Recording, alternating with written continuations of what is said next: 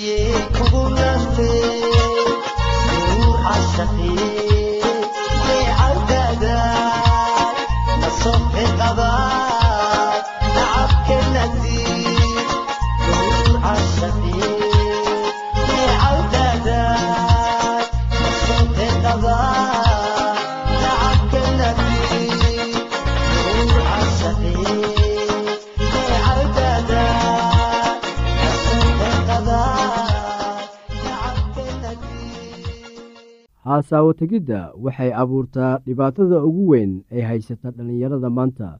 Inta badan waxa uu qofka dareemaa cabsi qalbi jab ama fikir aad ku saabsan dhanka nolosha ugu muhiimsan. Qaar xitaa waxa ay dareemaan dhicitaan waayo aragnimo ay kala kulmeen haasaawaha tegidda awgeed. Waxay dareemayaan nacayb sababtoo ah waxa ay qofka ay jecel yihiin u muujiyeen daryeel iyo danayn taas oo aan looga jawaabin waa maxay haasaawo tegiddu maxaa ku soo dhacaya maskaxdaada marka aad maqasho haasaawo tegid gabar yar ayaa waxay haasaawo tegid ku sharaxday sida tan. Waa waayo aragnimo qaas ah oo ka dhalata marka wiil la kulmo gabar. Deetadana uu ku ballamiyo meel isaga oo siinaya wakhti cayiman markay kulmaan wakhtigii ay ballanta lahaayeen haasaawo yeeshtaan. Iyada oo uu macnahan sax yahay haddana waxa uu leeyahay micno dheer kaasoo ah xiriir ka dhex dhasha wiil iyo gabar. Waa saaxiibtinimo qaas ah oo ka dhex dhasha laba qof oo kala soo jeeda lab iyo dhadig. Xiriirkaasoo horseedaya is-xurmayn jacayl deetana guur u fiirso hasaawuhu mar waliba waxa uu la bilowdaa saaxiibtinimo. Runtii saaxiibtinimo qaas ah waxaa laga yaabaa inuu raaco jacayl iyo haasaaw uu jacayl ku jiro inta uu xiriirku korayo. Inkastoo labada qof ee isguursanaysa ay jecel yihiin in arrintan ay gadaal ka sameeyaan. Waxay noqonayaan laba isjecel. Intii aanay noqon laba saaxiib ah waxaa jira heerar uu qofku ku odhan karo. Runtii haasaawahanu wuxuu kobcayaa ama horumarayaa haasaawuhu waa il biyo ah oo ka timid saaxiibtinimada u dhexaysa laba qof oo kale ah lab iyo dhadig. Sida qofku ugu fiican yahay inuu saaxiibtinimo wanaagsan samaysto ayaa sidoo kale waxa uu ku guulaysanayaa hasaawaha. Haddii aad doonaysid hasaawo xiriir hor u kac leh waxaa qasab kugu noqonaysaa inaad bilowdid barashada ah sidii xiriir saaxiibtinimo oo wanaagsan loo samaysto. Heerka labaad saaxiibtinimadii ayaa waxay isu beddelaysaa hasaawo yeelasho. Hasaawuhu waxa uu leeyahay saddex weji. Mid waa hasaawo caadi ah mid waa qaas midna waa joogto. Waa maxay hasaawaha caadiga ah? Waa noocee hasaawo ee aanay la socon dareen qaad ah. Waxaad hasaawahan u samaynaysaa wakhti isku dhaafin adiga oo gabar meel u wadaya sida cashogeen ama shaneemo. Tallaabadan muhiimka ah ee wanaagsan waxay labadiinaba fursad idiin siinaysaa in si dareen ku dhisan aad isu dhex gashaan oo aad fahamtid sida qofka kale uga jawaabo nolosha. Hasaawaha qaaska ah waxa uu u baahan yahay kacdoon dareen oo xadidan tusaale waxaa laga yaabaa in iskool ama kolleejo ay ka jirto xaflad qaas ah. Marka wiil ayaa waxa uu ka codsanayaa gabar inuu dibadda u wadi karo isaga oo doonaya haasaawid habeenkaas. Haasaabaha joogtada ah waa marka laba qof oo da-yar isku taxalluujiyaan inay haasaabahooda si joogto ah u wataan ama ay caado ka dhigtaan. Heerka gacdoonka dareenkoodu la dhan yahay iyo sida ay ugu go-een lababa way ka duwan yihiin laba. Qaar waxay xiriirka u isticmaalaan sida gaashaan in aanay u dareemin kelinimo. Heerka saddexaad ee hasaawuhu waa wakhtiga ay isu diyaarinayaan nikaaxa. Wakhtigan isaga ah waa wakhtiga u dhexeeya hasaawaha joogtada iyo wakhtiga nikaaxa. Labadii wada lahayd hasaawo joogto ah waxa ay u wada hadlayaan sidii iyaga oo leh xiriir joogto ah oo waxay u qorsheenayaan waxyaalo ku saabsan arooskooda weli arrintan shaaca kama aanay qaadin. Weli taariikhdii aroosku dhici lahaa ma aanay isla meel dhigin. Mana diyaarinayaan qorshe ku saabsan arooskooda. Hase yeeshee haddana waxa ay isu diyaarinayaan inay isguursadaan oo waxa ay ka hadlayaan mustaqbalka guurkooda kadib.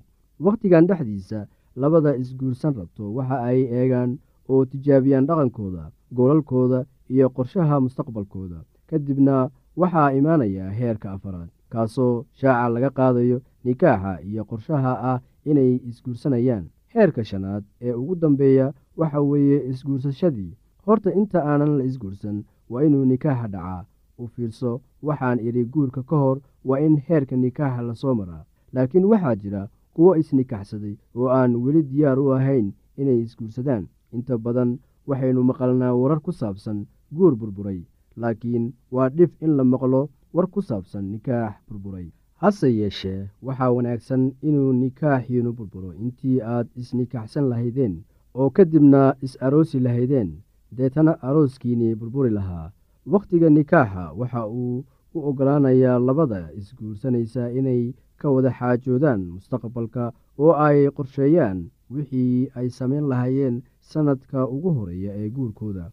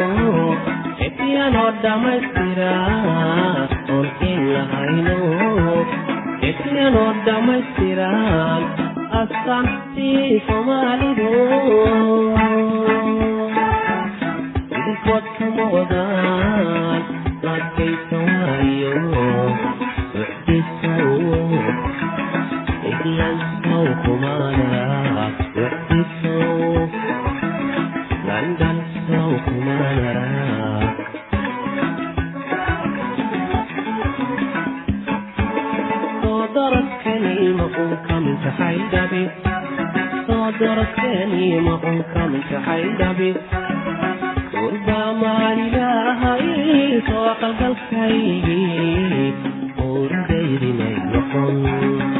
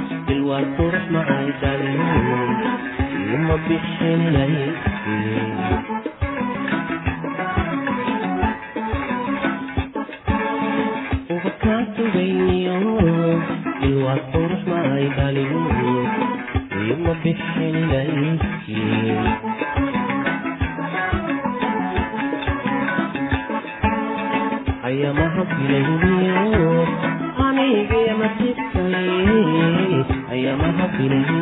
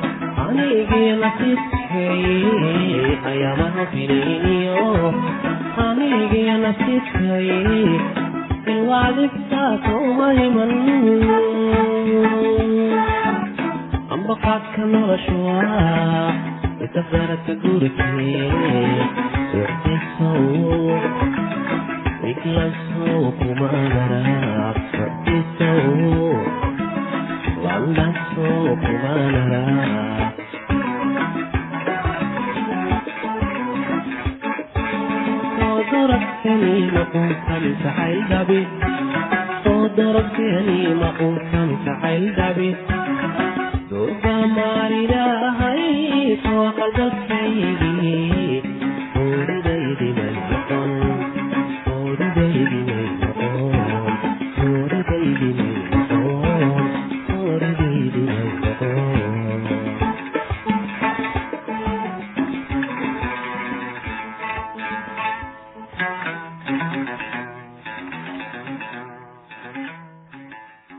dhegeystayaal ku soo dhawaada barnaamijkeena radio seven somaali oo aada xiliyadan oo kale inaga barateen.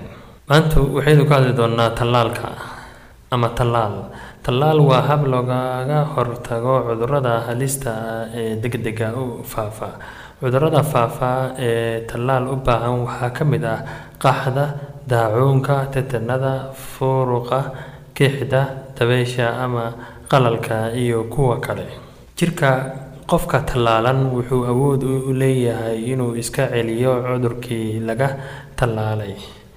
Tallaal kasta wuxuu cudurka hor istaagi karaa ilaa iyo muddo go-an lagama yaabo in uu kugu dhaco cudur ama iska tallaashe. Lagama yaabo inuu kugu dhaco cudur aada iska tallaashay tallaalku waa lacag la'aan. Mar haddii uu tallaalku faa-iidooyinkaas leeyahay ma ahan in laga baqo ama laga waxsado. Mana aha mid ay waxyaabo kale ka hor istaagi karaan. Saarka ama mangiska iyo wadaadu ma ahan kuwa iska ka hortaagi kara tallaalka.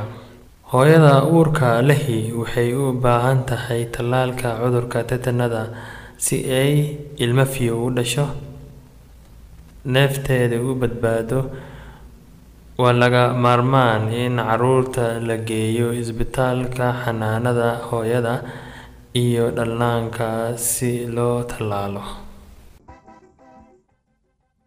Haddii aad qabto wax su'aalaha fadlan inala soo xiriir. Ciwaankeenna waa radio somaly at yahu dt com. Mar labaad ciwaankeenna waa radio somaly at yahu dt com. Barnaamijyadeena maanta waa naga intaas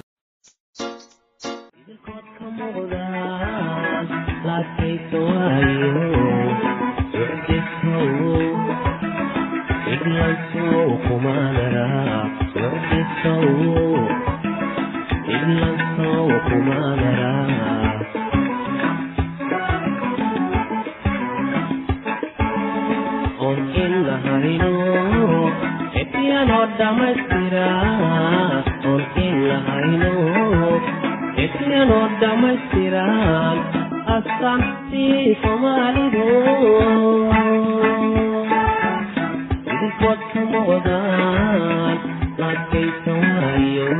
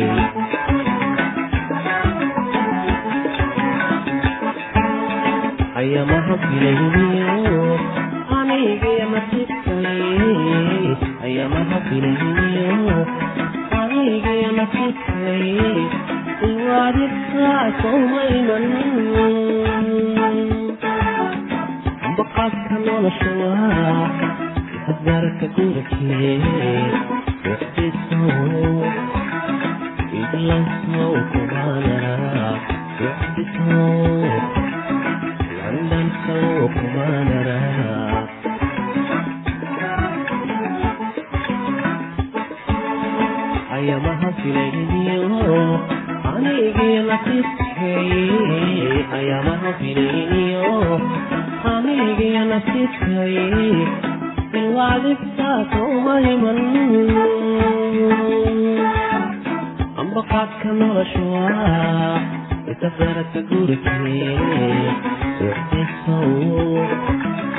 iglasow kumanaraaq socdisow laulasow kumanaraaq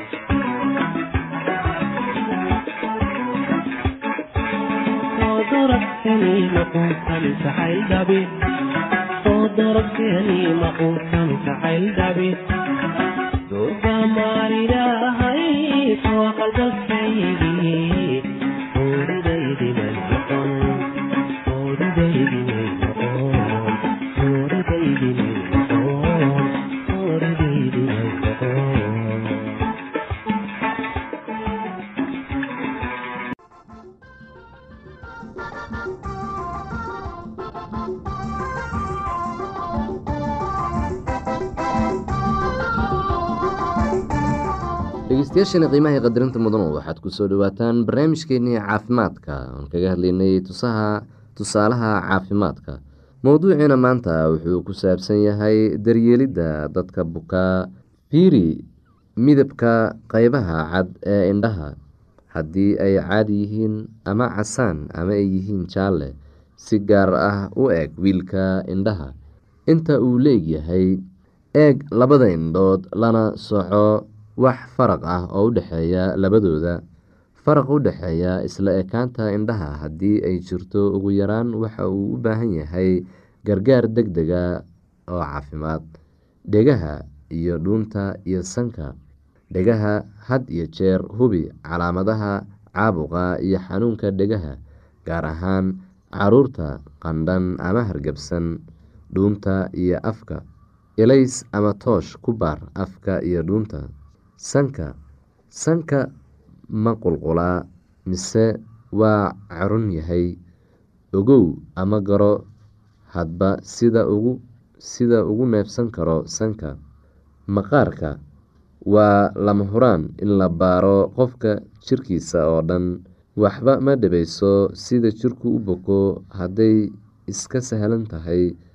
Dhallaanka iyo carruurta waa in la qaawiyaa si gaar ah wax kasta oo kheyro caadi ah oo ay ka mid yihiin boogaha dhaawacyada ama jajabka waxaa jirka ka soo yaaca boogaha baraha iyo wixii aan calaamad caadi ah ahayn. Astaamaha caabuq cas kulul xanuun ama barar bararka qanjiro bararsan kuuskuus aan caadi ahayn. Tinta oo khafiifta ama buubta si aan caadi ahayn xiribta tinteeda oo buubta caloosha ama baacuuga calooshu haddii qof ay xanuuneyso ku dadaal inaad hesho meesha dhabta ah ee danqaneysa baro ama aqoonso in xanuunku joogto yahay ama mar yimaado marna tago sida calool majiirka muruqyada iyo dareemayaasha haddii muruqu tabar dareeyaan oo jirka oo dhan sameeyaan ka shaki qab nafaqo daro ama cudur raagay sida qaaxo hubi adkaanta ama dhuuqsanaanta murqo kala duwan. Sida loo daryeelo qofka buka jiradu waxay macluul ama tabardaro u keentaa jirka si loo helo tamar ama caafimaad deg deg ah waxaa loo baahan yahay daryeel gaar ah. Daawooyinka had iyo jeer looma baahna laakiin daryeelka wacan ayaa muhiim ah. Qofka buka waa inuu helaa nasasho degan meel raaxo leh ilays iyo neecow fara badan waa in laga dhowraa kulaylka iyo qabowga xaddhaafka ah. Dareerayaasha ama sharaabka ugu dhowaan jiro kasta gaar ahaan marka ay jiraan qandho ama shuban qofka jiran waa inuu cabaa sharaab fara badan biyo shaah ama waxyaabo kala duwan. Nadaafadda qofka waa lagama maarmaan in had iyo jeer qofka bukaa uu nadiif yahay. Haddii uu qofku bukaa wax cuni karo si qofka bukaa waa inuu cabaa biyo fara badan uuna cunaa raashin jirka dhisa oo nafaqo leh. Cuntada tamarta keentaa waxaa loo baahan yahay inuu qaato. Waxaa aada iyo aada loogu baahan yahay in qofka aada u jirini uu helo biyo ku filan. Haddii uu qaadan karo wax yar markiiba u sii in yar haddii laqiddu dhibayso u sii kabasho shan daqiiqo ama toban daqiiqo markiiba. Cabir inta ay la-egyihiin biyaha uu bukaanku qaato maalin kasta. Qofka weyn wuxuu u baahan yahay laba litir ama in ka badan maalintiiba waana inuu kaadshaa saddex ilaa afar jeer maalintiiba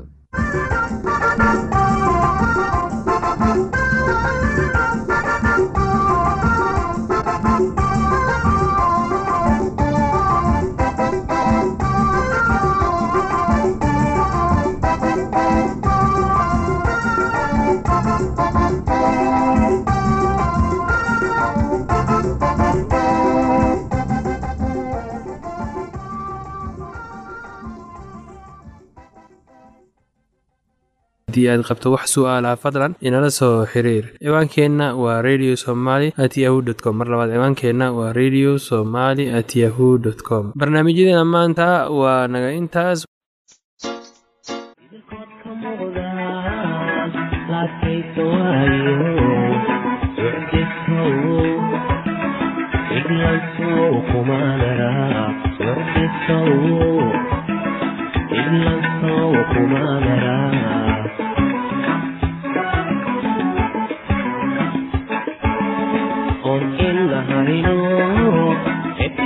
Thank